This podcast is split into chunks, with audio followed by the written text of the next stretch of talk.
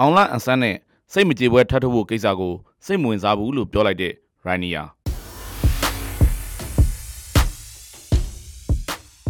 နယ်သာလန်သူရဲကောင်လို့နာမည်ကြီးတဲ့ရိုင်းနီယာဒီရတာဟာအောင်လအန်ဆန်းနဲ့တတိယပွဲစဉ်ထိုးသက်ဖို့ကဓာတ်တလုံးမှမဖြစ်နိုင်သေးဘူးလို့ပြောကြားလိုက်ပါတယ်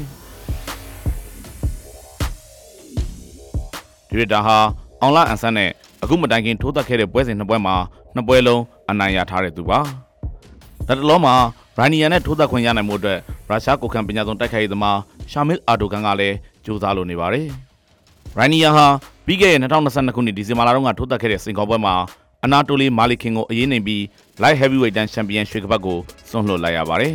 ။ဒါကြောင့်လက်ရှိမှာတော့ရိုင်းနီယာဟာရွှေကပတ်နှစ်စုပန်ရှင်ဖြစ်ကနေရွှေကပတ်တစ်ခုပန်ရှင်ဘွားစီကိုရောက်သွားခဲ့ပါပြီ။ရှေ့လာမယ့်ပွဲစဉ်ကိုရိုင်းနီယာကဘယ်သူနဲ့ထိုးသက်မလဲဆိုတာဟာစိတ်ဝင်စားစရာပါပဲ။ One Championship ပွဲစီစဉ်သူတွေဟာရိုင်းနီယာအတွက်ပြိုင်ဘက်ရှာဖွေတဲ့နေရာမှာအောင်လအဆန်းကိုလည်းထည့်သွင်းစဉ်းစားနေပါတယ်။ဘာကြောင့်လဲဆိုတော့လက်ရှိစွမ်းဆောင်ရည်တွေအရအောင်လအဆန်းဟာရွှေကပတ်စင်ကောပွဲထိုးသက်ဖို့အခွင့်အရေးပြန်ရတင်ပြီလို့ပွဲစီတင်သူတွေဘက်ကနေယူဆလာလို့ပါပဲ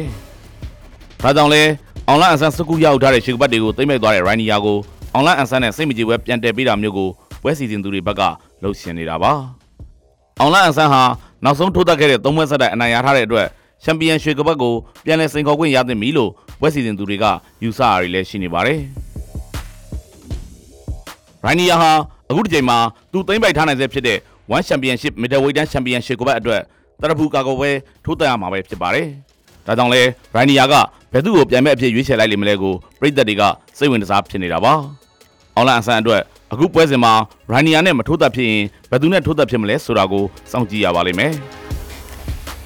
ချန်ပီယံရွှေကပတ်စင်ကောပွဲထိုးသက်ခွင့်ကိုမရသေးပဲနောက်ထပ်စင်ကောပွဲတစ်ပွဲထပ်မံရှင်ပြရတာမျိုးလဲအောင်လန်အဆန်အတွက်ဖြစ်ကောင်းဖြစ်သွားနိုင်ပါတယ်။ရိုင်းနီယာဘက်ကတော့သူဟာအောင်လန်အဆန်နဲ့စိတ်မကြည်ပွဲပြန်လည်ထိုးသက်ဖို့တဲ့ပြန်ဘက်တစ်တယောက်နဲ့ရှင်ပြိုင်ပုတ်ကသာပိုလို့စိတ်ဝင်စားတဲ့အကြောင်းပြောကြားထားပါတယ်။နောက်တစ်ပွဲထိုးမဲ့ပြန်ဘက်ကအောင်လန်အဆန်လားလို့မေးကြတယ်။အားလုံးကလည်းသိကျင်နေကြတယ်။ဘာလို့မှလဲ